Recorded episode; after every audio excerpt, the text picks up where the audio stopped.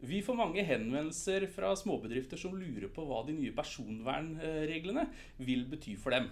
Derfor har vi da tatt eh, turen til selve fasiten og Bjørn Erik Thon i Datatilsynet.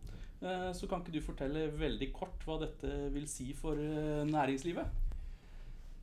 Det viktigste er at virksomheter fra nå av må ha mye mer oversikt over hva slags data de har innomhus, og hva de bruker disse dataene til.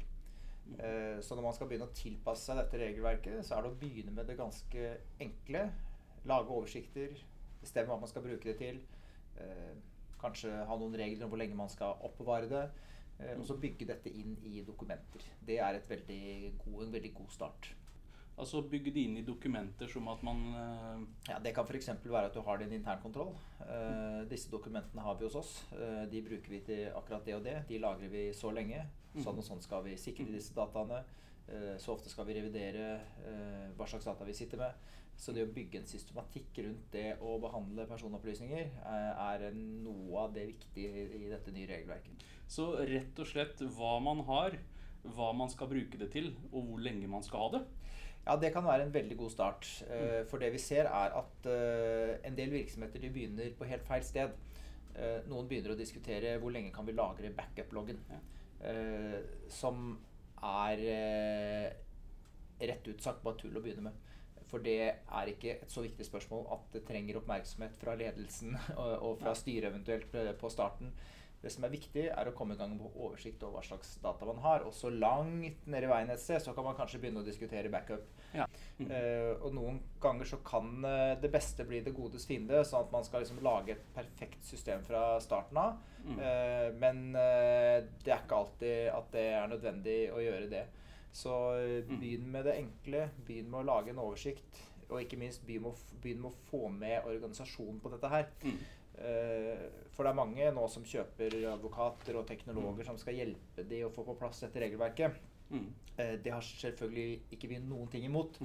Men eh, hvis ikke dette sitter i ryggmargen til de som jobber der, så vil det systemet som kanskje er helt perfekt 1.6.2018, det vil ikke følge reglene seks måneder seinere, og da er egentlig veldig mye av vinninga går opp i spinninga. Så rett og slett et eh, system både rent teknisk og praksis som de ansatte kan etterleve.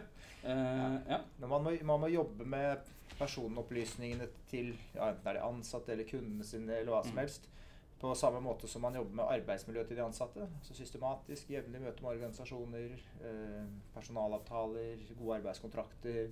Alle sånne mm. ting som det. Eller som en bilfabrikant jobber med miljøspørsmål. Stadig vekk få ned eh, utslippene.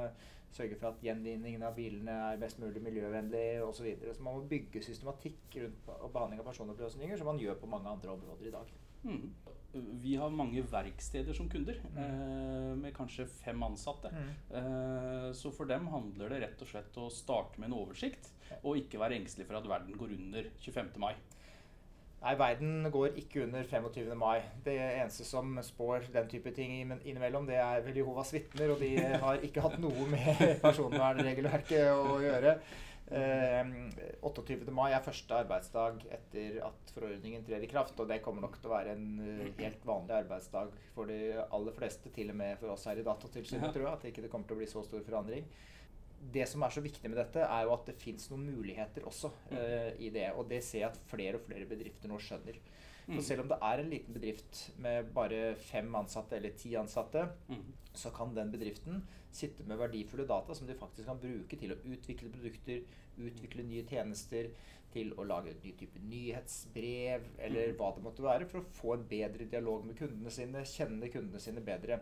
Eh, og det er jo forbløffende hvor mange selskaper og firmaer som heller ikke bruker dataene sine godt nok mm. til nettopp den type mm. ting.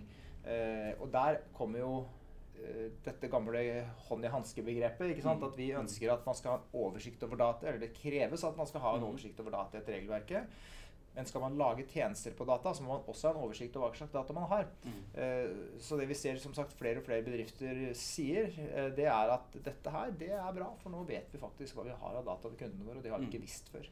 Eh, et eh, spørsmål jeg har eh, personlig også, det er sånn som Jan Petter, da, som står bak og styrer kameraene våre her nå på en aldeles glimrende måte.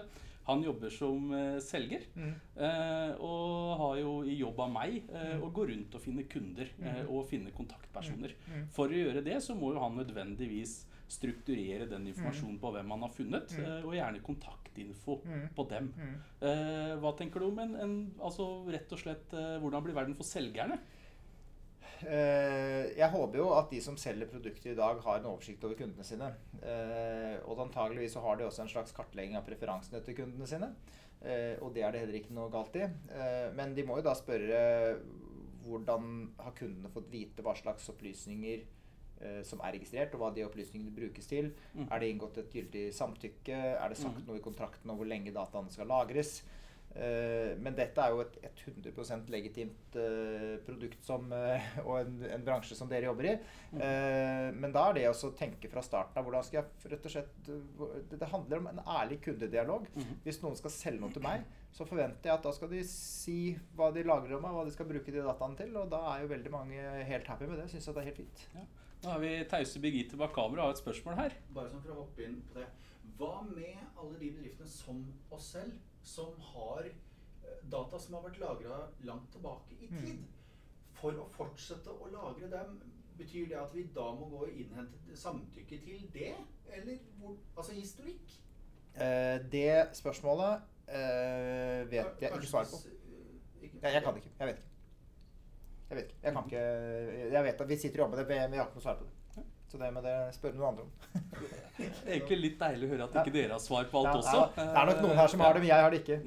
Hvis du skulle ha oppsummert da, til alle norske småbedrifter som eh, lurer fælt på hva de må gjøre, og som ikke har råd til Mm. dyre Oslo-advokater til å Mm. håndtere dette for seg, eh, har du noen enkle tips om hvor de starter?